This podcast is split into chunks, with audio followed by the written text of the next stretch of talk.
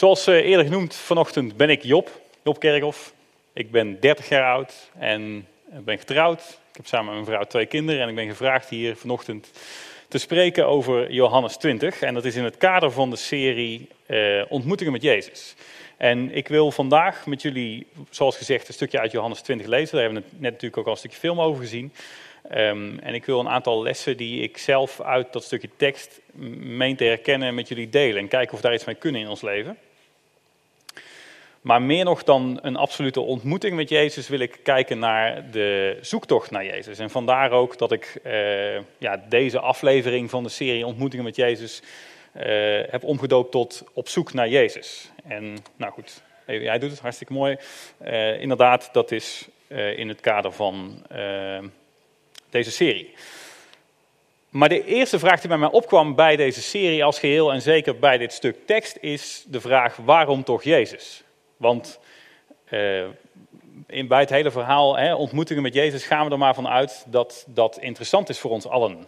En ik wilde ook die vraag aan mezelf stellen. Waarom is het nou toch interessant om Jezus te ontmoeten? En eigenlijk korter de vraag, waarom überhaupt Jezus? En daar wil ik uh, kort met jullie over nadenken, maar eerst wil ik dat even interactief maken. Want ik ga jullie aan een aantal mensen, vier in totaal, voorstellen op het podium. En ik wil jullie allereerst vragen, dan mogen jullie gewoon roepen uh, wie dat zijn. En als we ze alle vier op het scherm hebben, dan mogen jullie zeggen wie van de vier er niet bij hoort en waarom diegene er niet bij hoort. Uh, nou, hopelijk wijst dat zichzelf verder. Maar de eerste is deze mevrouw. Weten we wie dit is? Moeder Teresa. Consensus, daar hou ik van. Met z'n allen eens, jongens. Goed zo. Moeder Teresa. De tweede. Sta ik jullie trouwens niet in de weg, mensen hier? Uh, nee? Oké. Maar inderdaad, dit is Martin Luther King. Die kennen we denk ik ook. Hè? Tenminste niet persoonlijk, maar wel uh, wie hij is. Nummer drie. Jullie zijn goed bezig, mensen. Bij de Stadskerk, waar ik dezezelfde preek vorige week gaf, zat iedereen continu fout. Nee, dat is een grapje. Dat, uh, zodat jullie jezelf even goed voelen. Hè? Ja. hey, en de laatste, wie is dit? Ja, dat is Jan Smit. En wie van de vier hoort er niet bij? En waarom? Ja, ik hoor al moeder Teresa en dan mag, ik, dan mag ook de waarom daarbij gemeld worden. Omdat het een vrouw is, ja, inderdaad. Ja, dat is precies het antwoord natuurlijk. En is ook niet fout, is niet, de redenering die ik zoek, maar is, is niet fout. Zijn er nog andere mensen die er eventueel niet bij horen met een, of een, een, een beredenering erbij? Ik zie er achterin mensen. Ja, roep maar. Nou, het is echt ongelooflijk, maar precies die twee werden ook vorige week genoemd. En inderdaad, ja, Jan Smit, want die is de enige die in kleur op de foto staat. Dat is ook uh, geen, ja, geen spel tussen te krijgen eigenlijk inderdaad waar. Um, zijn er nog andere creatievelingen? Ik zag net daar een hand, maar die heeft misschien hetzelfde antwoord of, als zojuist. Hier nog eentje?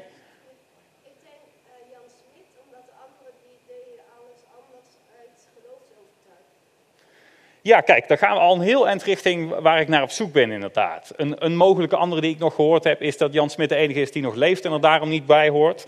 Dat zou natuurlijk ook kunnen. Uh, maar ik wil inderdaad die kant op. Want, uh, en daarom, uh, Jan Smit, even mensen die je hoort wat mij betreft in, in dit verhaal dus even niet bij.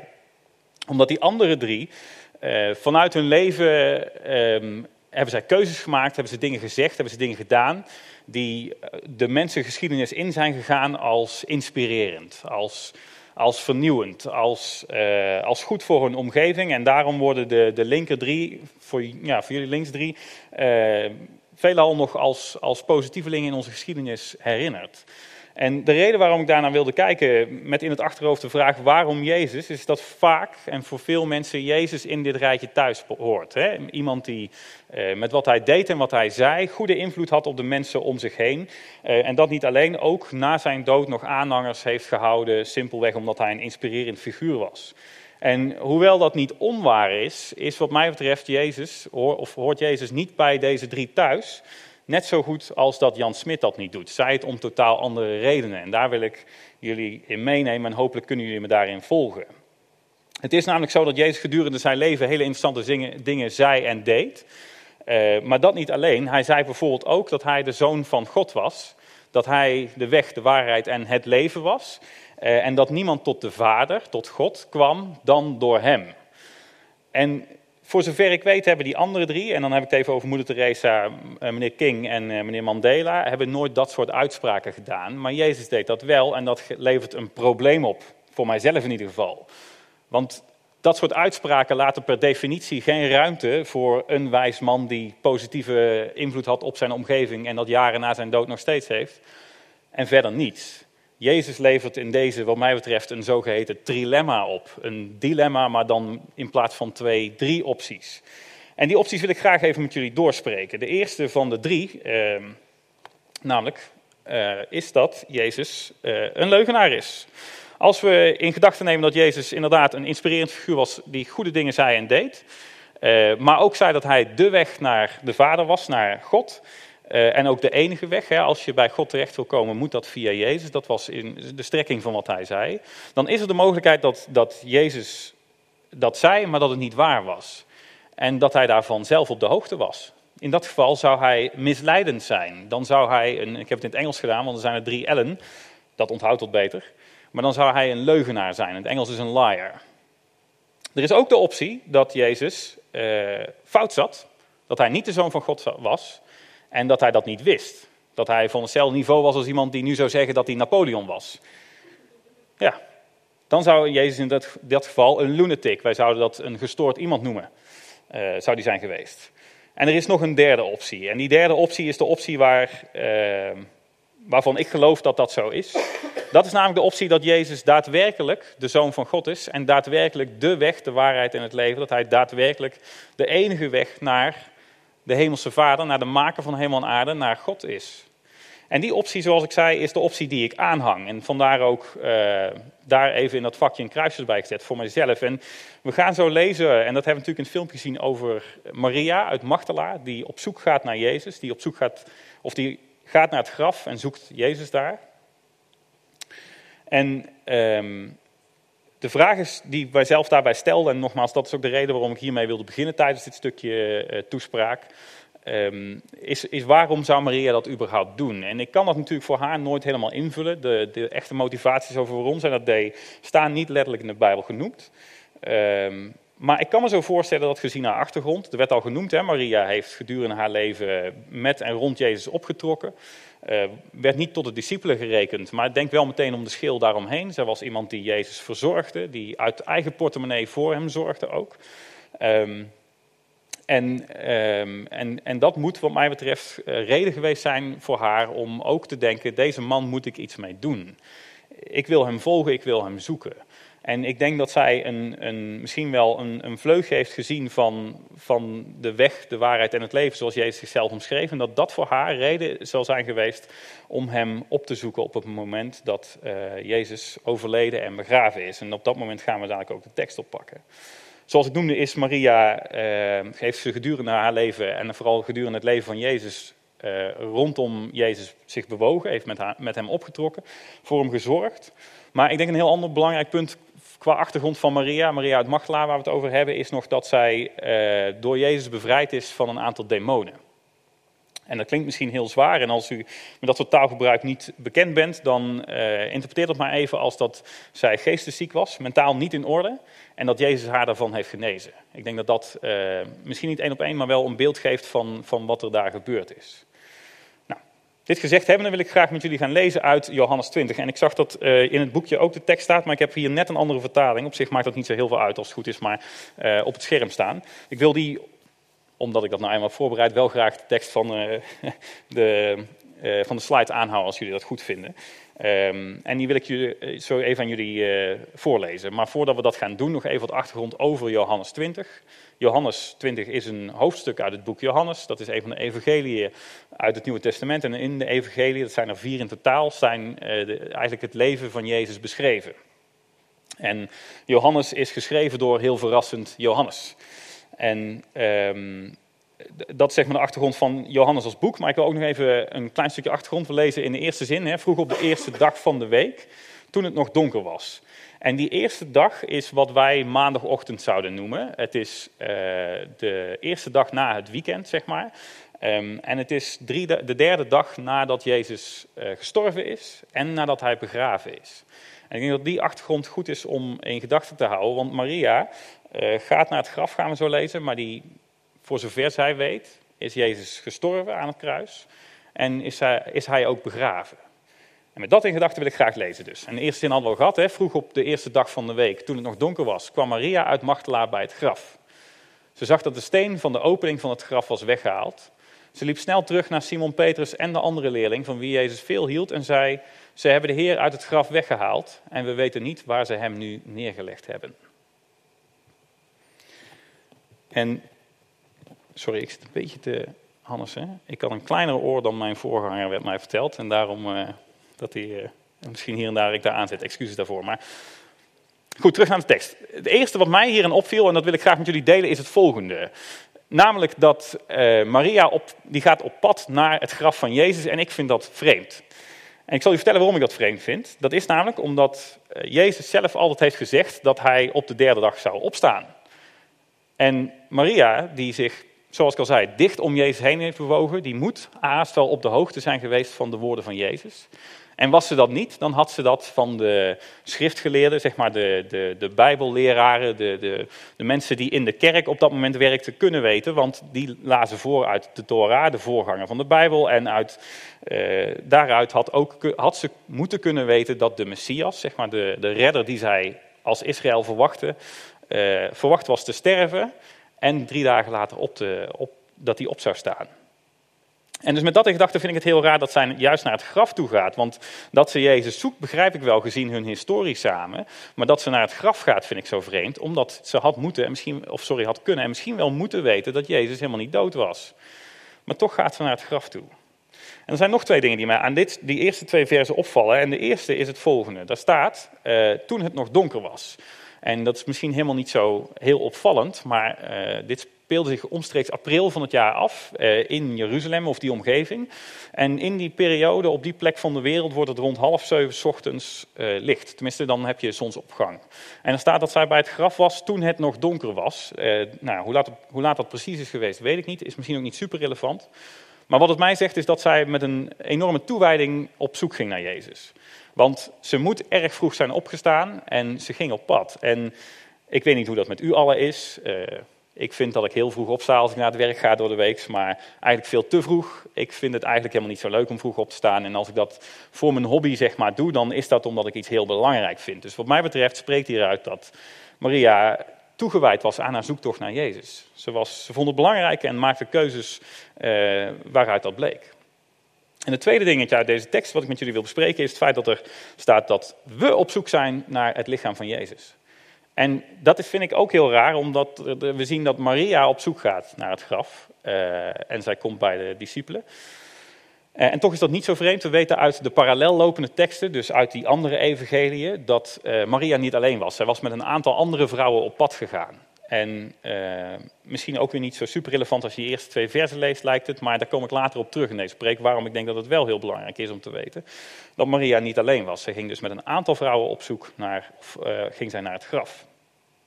Nou, vervolgens, uh, en dat zien we, dat hebben jullie allemaal in een stukje tekst. En dat hebben we ook deels gezien in het filmpje wat we zojuist zagen. Wat er gebeurt, is dat die twee discipelen, de discipel van wie Jezus heel veel hield, is trouwens Johannes zelf. Die dacht, ik schrijf een boek uh, dat, ik nou, hè, dat in mijn naam in de Bijbel terechtkomt. En uh, ik zal mezelf dan niet nog een keer noemen in de tekst waarschijnlijk. En vandaar dat ik zelf zo heeft omschreven.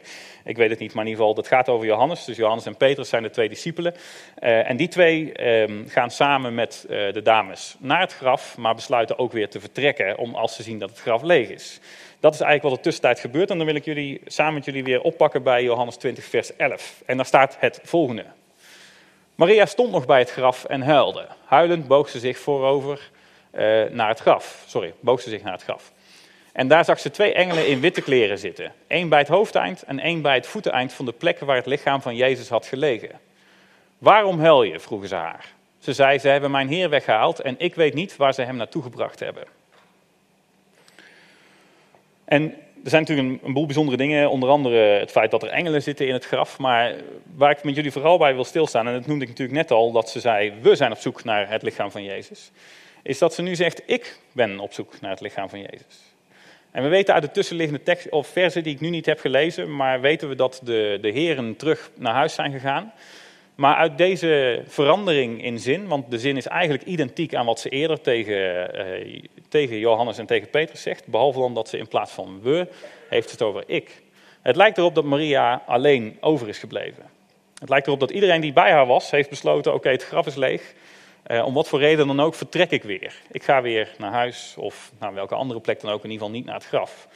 En menselijkerwijs vind ik dat ook eigenlijk vrij logisch, want Jezus is door de lokale autoriteiten vermoord drie dagen eerder. Het is misschien wel helemaal niet zo verstandig om je rond dat graf op te houden.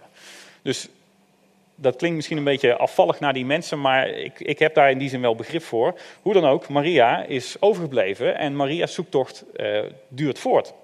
Zij zet door als het tegenzit. En ik denk dat dat de les is die ik hieruit zou halen. Dat Maria vroeg opgestaan is. Daarmee laat ze een stuk toewijding zien. Maar dat niet alleen, ook als het haar tegenzit in haar zoektocht naar Jezus, zet Maria door. Dan het volgende.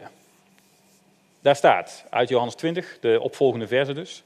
Eh, na deze woorden keek ze om en zag ze Jezus staan. Maar ze wist niet dat het Jezus was. Waarom huil je? vroeg Jezus. Wie zoek je? Maria dacht dat het de tuinman was en zei: Als u hem hebt weggehaald, vertel me dan waar u hem hebt neergelegd. Dan kan ik hem meenemen. Jezus zei tegen haar Maria. Ze draaide zich om en zei Rabuni. Dat betekent meester. Het eerste wat mij in dit stukje tekst opvalt is natuurlijk, hopelijk, dat Jezus leeft. Jezus die doodgewaand was, die drie dagen eerder is gestorven en is begraven, blijkt opeens niet dood te zijn, maar die blijkt te leven. Die blijkt daar gewoon te zijn. En interessant is dat de laatste zin die Maria tegen Jezus zegt, daaruit blijkt dat Maria op dat moment nog steeds in de veronderstelling was dat Jezus ook daadwerkelijk dood zou zijn. Want ze is op, nog steeds op zoek naar het lichaam wat ze dan mee kan nemen. Daaruit concludeer ik in ieder geval dat ze naar een, iemand, een, een lijk op zoek was, naar een dood iemand. Maar goed, het eerste wonder en, het, en, en, eigenlijk het grote wonder aan het verhaal wat mij betreft is dus dat Jezus leeft. En dat is, was toen waar en dat is gelukkig nog steeds waar. Hij leeft. En het volgende wat mij altijd opvalt is dat zij dan denkt dat hij de tuinman is. En ik vond vooral dat ze dacht dat hij de tuinman was zo ontzettend willekeurig. Want ja, hoezo nou weer tuinman? Het had ook de bakker kunnen zijn of weet ik veel wie. Um, maar ze kiest heel bewust voor tuinman. En ik denk dat dat iets zegt over hoe zij naar haar omgeving kijkt. Want ze is namelijk op maandagochtend, hè, tenminste de equivalent van maandagochtend, na het weekend, in de tuin van een heel rijk man, weten we uit andere stukken tekst. En dan is het misschien wel helemaal niet zo logisch dat een onbekende kerel die je daar tegenkomt, de tuinman blijkt te zijn. Er zal vast allerlei dingen onderhouden moeten worden, dus in die context kan ik me wel voorstellen dat ze dan voor tuinman ging.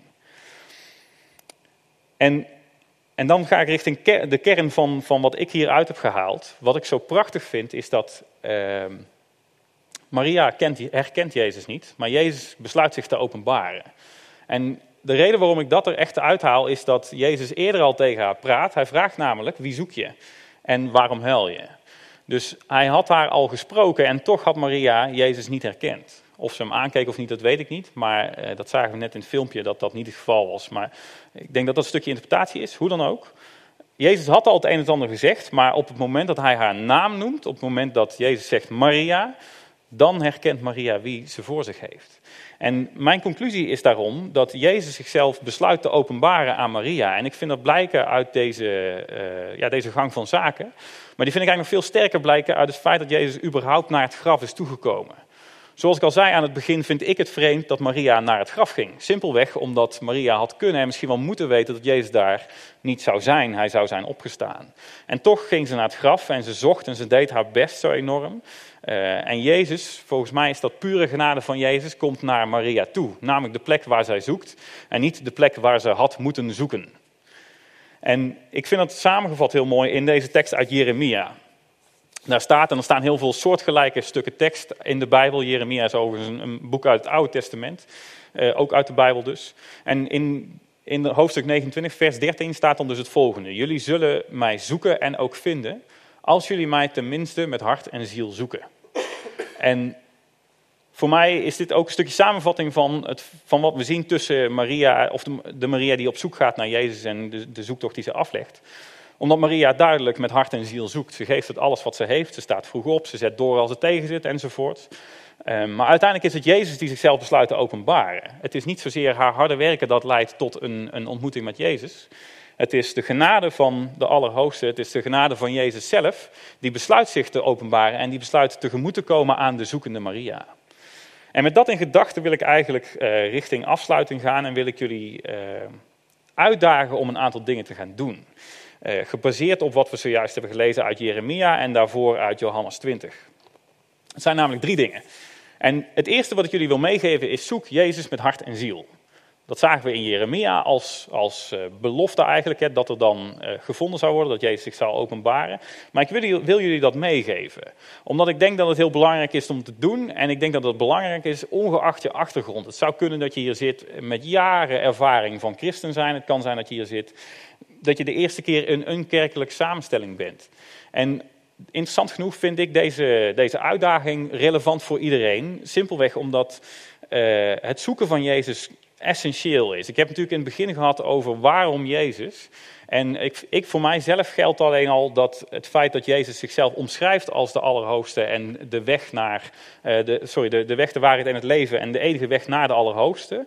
Um, volgens mij is dat al interessant genoeg om hem om die reden te gaan zoeken. Simpelweg omdat het risico nemen dat je hem niet kent, het niet waard is, denk ik. Ik zou in ieder geval adviseren, zoek hem op en doe dat dan dus ook met hart en ziel.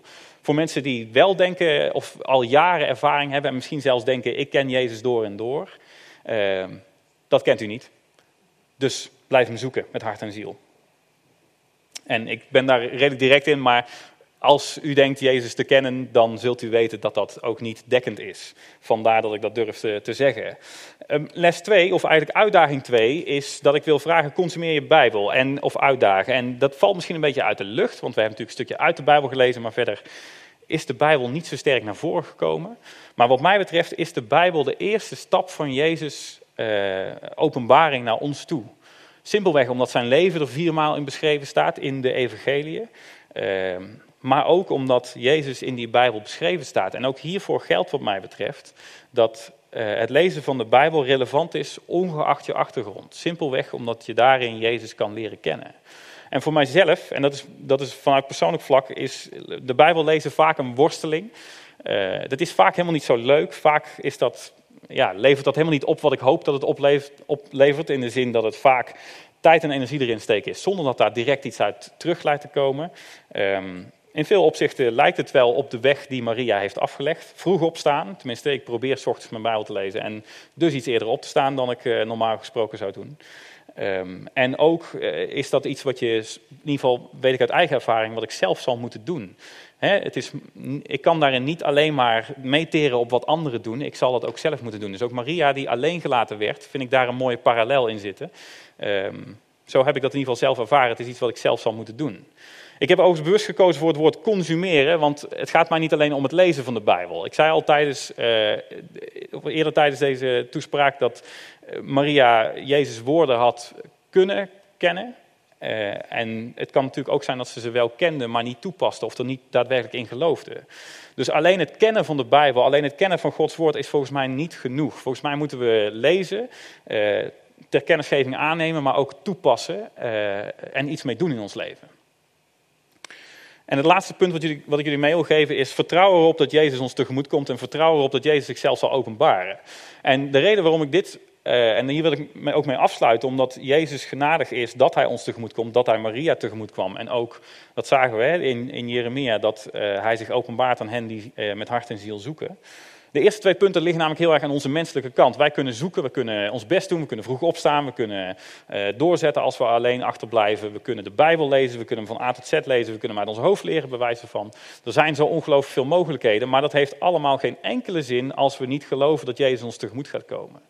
En daarom wil ik jullie ook bemoedigend daarmee mee, uh, toespreken en daar ook mee afsluiten.